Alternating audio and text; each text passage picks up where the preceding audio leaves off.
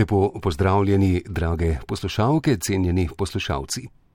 Danes se nam je v studiu pridružil brat Miran Špelič. Je duhovnik in redovnik v frančiškanski skupnosti. Trenutno deluje kot kaplan in gvardijan v župniji Ljubljana Bežigrad. Je tudi profesor na katedri za zgodovino cerkve in patrologijo na Teološki fakulteti Univerze v Ljubljani. Brata Mirena lepo pozdravljamo v naši družbi. Lepo pozdrav tudi vsem poslušalcem in hvala za vabilo.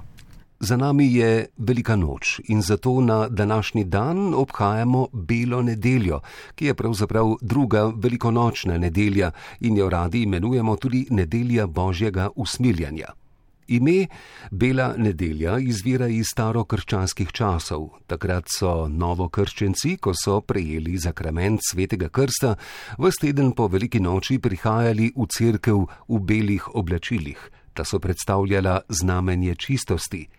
Bela barva v bogoslužju tudi na nek način izraža začetek in konec, polnost in praznino.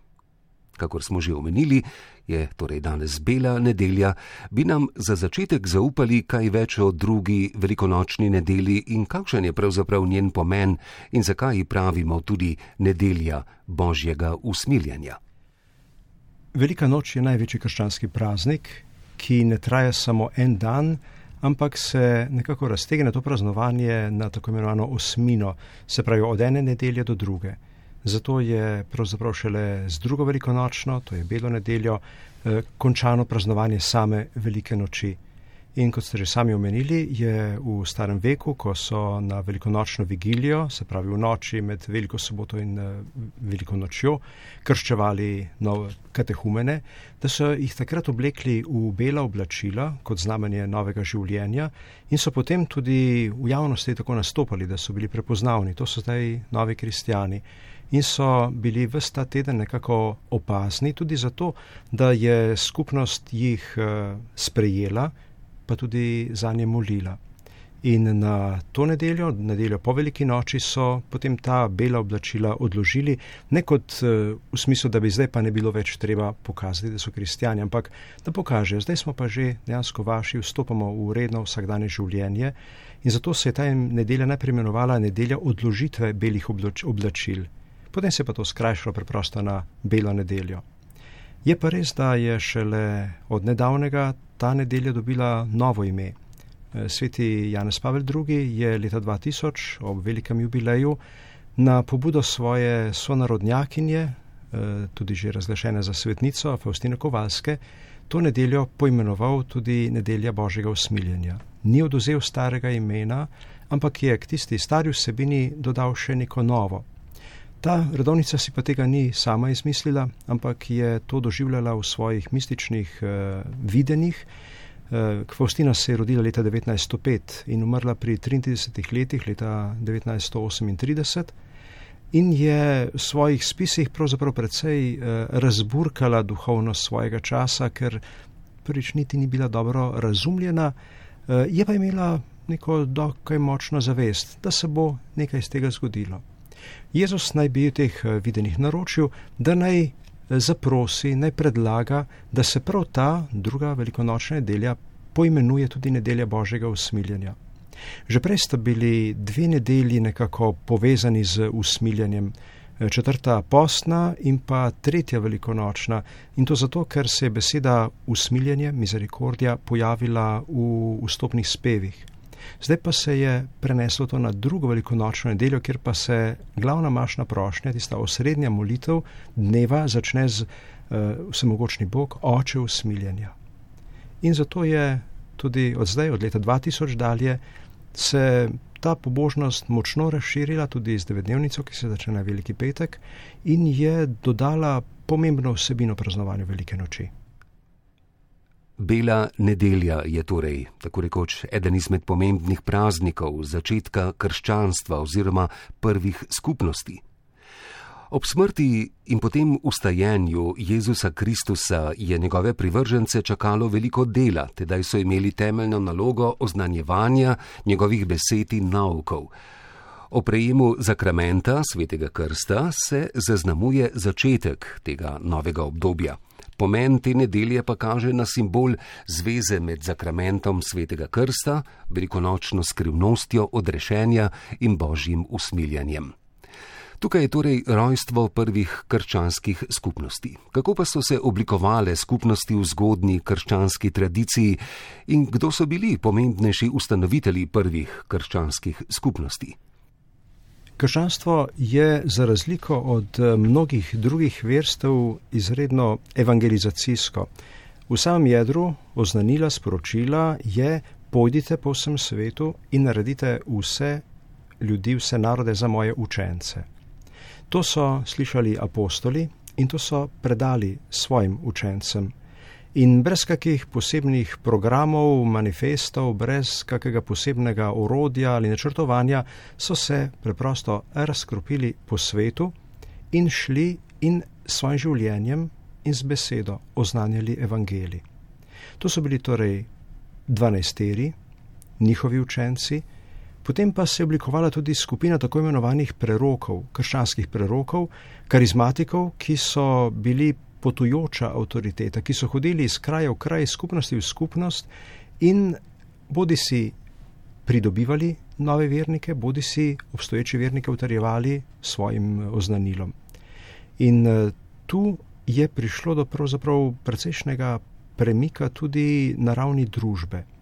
Kaj ti kristijani so prevzeli iz obstoječe tedanje druž, rimsko-grške družbe marsikakšno vrednoto, ki je bila skladna z evangelijem marsikaj pa so morali zelo jasno zavreči in je prišlo do preloma med starimi vrednotami in novimi. Tako so naprimer brez težave sprejeli recimo dobrodelnost, del novoplatonske filozofije, vendar pa nekega dela niso sprejeli, recimo dualizma. Dualizem, ki pa s krščanstvom ni skladen, to je bilo potrebno zavreči. Tudi praksa družinskega življenja je bila drugačna. Kristijani niso dopuščali ločitve zakona niso dopuščali splava, niso dopuščali detomora, ki je bil v antični družbi žal še kar eh, prakticiran. Zato so pokazali, da imajo drugačen način življenja, ki pa je bil očitno privlačen, kajti preprosto živeli so osvobojeno, odrešeno, niso bili tako vezani, zvezani s tistimi, recimo, starimi poganskimi šegami in zato so bili izredno prodorni tudi pri pridobivanju novih članov, kljub temu, da so bila močna tudi preganjanja v tistem času. In se je tisti, ki se je odločil za krščanstvo, pravzaprav lahko odločil tudi za to, da bo za to dal življenje. Je pa imel vero, da to življenje je samo začetek nekega drugega, novega življenja v Božjem kraljestvu, večnega življenja res so se trudili graditi bratsko skupnost in biti drug drugemu bratje in sestre, tako kot je to učil Jezus. Skozi zgodovino je prišlo do raznih sprememb, tudi srčika pomena tega občestva pa vsekakor še vedno temeli prav na prvih skupnostih. Naj se ustavimo še pri novozaveznih besedilih. Katera izmed knjig natančneje opisuje nastanek in povzema življenje prvih kristjanov? Krščanstvo je in ni eh, religija knjige. Ob eh, širjenju evangelija, širjenju nove vere, se je oblikoval tudi ta sklop novozaveznih spisov, ki so zelo pestri, bogati in ki pričajo o življenju teh prvih skupnosti. Gotovo tista prvi spisi so, bili, so bila pisma apostola Pavla, ki so nastala iz konkretne potrebe, ki so odgovori na konkretna vprašanja, bodi si teološka, bodi si čisto življenjska, praktična, moralna vprašanja. Ob tem se oblikuje tudi zapisano oznanilo, tisto, ki je bilo prvo, sprva ustno in se potem zapiše kot evangeliji. Ob tem, ob, kot nadaljevanje evangelija, pa nastane še zgodovina prve cerkve, to so pa apostolska dela, kjer gre za pričevanje tistih prvih dogodkov, kako so ti prvi kristijani pravzaprav prestopili tako iz judovskega konteksta, ohranili judovstvo pravzaprav in postali še nekaj novega, ali pa so vstopili iz poganskega konteksta in ohranili nekaj poganskega, hkrati pa vstopili v nekaj novega skupnega. Tisto, kar je najbolj vidno, opazno, presenetljivo, je ravno zlitje teh dveh komponent, judovske in nekdaj poganske grško-rimske, v to novo skupino, kjer vsakdo prinese nekaj svojega, oblikuje se pa tisti novi evangeljski vidik, ki se izrazi ravno v novi zavezi, ki smo jo omenila. Zanimivo je, kako o nastanku skupnosti pričuje dano besedilo in kako nam je lahko tudi nam, kristjanom, še vedno za zgled. Omenili pa smo tudi Sveti Krst, ki je na nek način, bi lahko rekli, tudi ključen mejnik, ki nas popelje v to božje crkveno občestvo. Bi nam na kratko predstavili še njegov pomen, kaj simbolizira in kaj ta zakrament pomeni za nas, kristjane. Pravzaprav je zadnje Jezusovo naročilo ob tem, ko pravi: Pojdite po vsem svetu in naredite vse narode za učence, to nadaljuje še z krščujte jih. Krst je religiozna praksa v mnogih verstvih, tudi judovstvo je poznalo že krst, Janez Krstnik je krščeval, vendar pa je ta krst, ki ga daje Jezus, eh, posebno nekaj novega, ker to je krst v imenu Svete Trojice v imenu tiste največje skrivnosti krščanske vere, krščujte jih v imenu Očeta in Sina in Svetega Duha. To je pravzaprav nekako zaključek nove zaveze. Potem se pa začne že krščanska književnost in eden prvih spisov, ki se imenuje Didahe, nauk 12 apostolov, čeprav je to anonimno delo, spregovori ravno o krstu, kako je treba krščevati in pravzaprav ponovito zgodbo. Krščujte jih v imenu Očeta in Sina in Svetega Duha opiše sam krst, kajti to je vstopna točka za krščanstvo. Tisti, ki je krščen, tisti se odpove staremu načinu življenja in vstopi v novo življenje, krst je zanj smrt nečemu staremu in rojstvo za nekaj novega, in vstop v občestvo verujočih, v novo občestvo, ki se potem prepoznavajo kot bratje in sestre znamenjem krsta smo postali vsi kristijani, tako v zgodovini, kot tudi danes. Kako pa so se razvile prve krščanske skupnosti na slovenskih tleh, slišali smo, kako drugot po svetu, kako pa je bilo pri nas. Takrat je bil naš prostor del rimskega cesarstva in nobenih razlogov ni, da bi domnevali, da bi tukaj potekalo kako drugače kot drugot. Krščanstvo se je širilo po omrežju cest, preko trgovskih stikov, preko vojaških eh, kampanj, preko selitev vojaških enot in tako je zagotovo prišlo tudi v naše kraje. Žal pa v tistem času, za tisti čas, nimamo veliko pisnih virov. Posebej tudi zato ne, ker so kristijani tako ali tako pričakovali, da bo kmalo Jezusov drugi prihod, ki bo pomenil na neki način konec tega sveta in začetek kraljestva. Zato so tisti prvi začetki res malce zaviti v temo in v ugibanje. Vendar pa nam vsaj arheologija lahko postreže s kakimi znameni o tem, da je neka, neko mesto imelo tudi neko krščansko skupnost. To se recimo vidi že iz spremembe načina pokopavanja. Antika, poganska antika je namreč eh, v glavnem upoštevala in uporabljala kremacijo torej pokop v žarni poko, žarne pokope. Medtem ko krščanstvo prinese pa s spoštovanjem do telesa tudi telesni pokop. In ko vidimo te spremembe in ko vidimo tudi način pokopavanja, ki je naenkrat podoben tako v nekih jasnih krščanskih središčih, kot tudi drugot, lahko preprosto sklepamo, da gre tu tudi za navzočnost krščanske skupnosti. Potem pa še drugi razlog, ki ga vidimo, je pa recimo, če stopimo še že tja do četrtega, začetka petega stoletja. Konec četrtega stoletja se zemonsko krščansko skupnostjo dopisuje Hieronim in to iz daljne stirske puščave. Če ima v Emoni svoje korespondente in če tu že obstajajo neke asketske skupnosti, skupnosti devic, potem pomeni, da je ta skupnost že razvita, da to ni neka prva generacija kristijanov. Če imamo v Petovioni okrog leta 300, še pred letom 300, že škofa, ki pozna literaturo, ki nastaja takrat eh, v Jeruzalemu, ki je nekako samouk, pa je vendarle že prebral dela nekih avtorjev iz Aleksandrije iz srede 3. stoletja, ali pa iz Liona iz drugega stoletja, potem pomeni, da ni on tisti začetnik, pomeni, da je tu že nekaj bilo pred njim, kar pa seveda je za neki čisto konkretni zgodovinski zviri je pač še nedosegljivo. Na to pa lahko sklepamo. Zato smo bili tudi mi takrat del tega splošnega rimskega sveta, ki se je postopno v teh prvih stoletjih po kristjanju in potem v četrtem stoletju doživel svoj veliki vzpon. Krščanstvo je prineslo pravzaprav tudi nov pogled na potek zgodovine.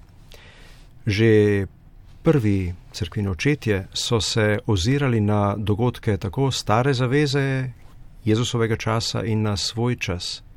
In tudi kasneje, recimo sveti Augustin, že poda zelo veličastno teologijo zgodovine, se pravi pogled na to, kako vidi dogajanje v luči vere, v luči božjega poseganja.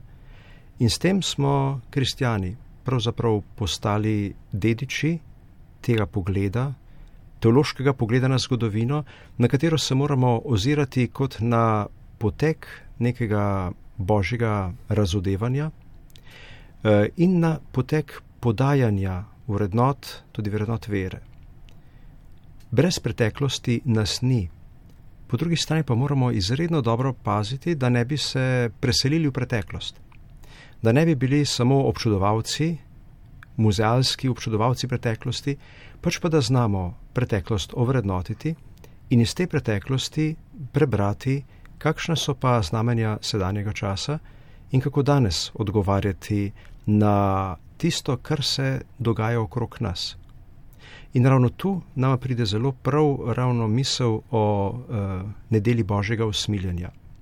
Božje usmiljenje je tema, ki je navzoča že v stari zavezi, ki je navzoča v evangeljih, v času prve cerkve, ki je navzoča bolj ali manj vso zgodovino, vendar pa nikoli ni bila tako izpostavljena in najbrž niti ni bila tako zelo potrebna, kot je potrebna ravno v današnjem času, torej v 20.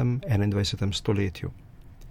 In zato je ta stara tema, znana tema, postala na novo prikazana, na novo obdelana ravno prek tega mističnega posega sestre Faustine Kovalske in potem ovrednotenja, ki ga je dal tej temi Janez Pavel II.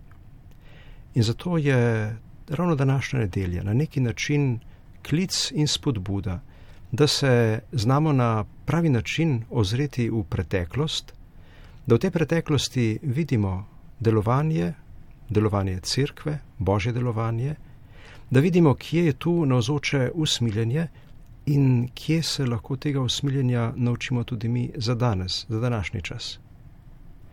Potrebno je pogledati na težave, treba se je soočiti z neprijetnostmi, obenem pa je sporočilo, ki ga daje ravno ta skrivnost božjega usmiljenja, močnejše od vseh težav, kriz, ker kaže proti tistemu odrešenskemu dogodku, ki je oznanjen na veliko noč.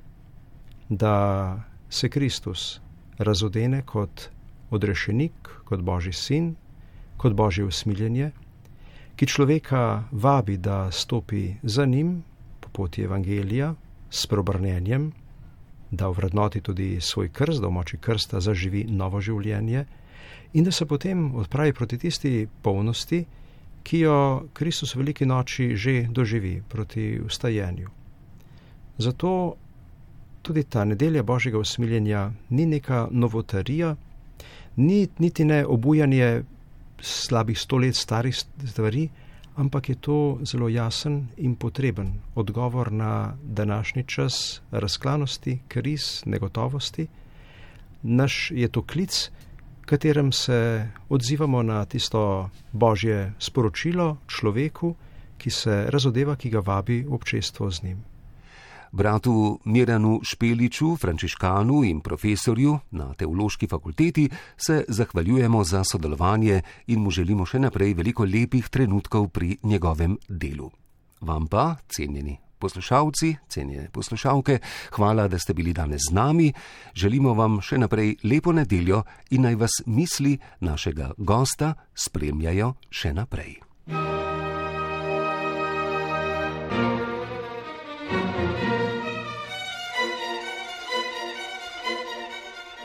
Sedmi dan.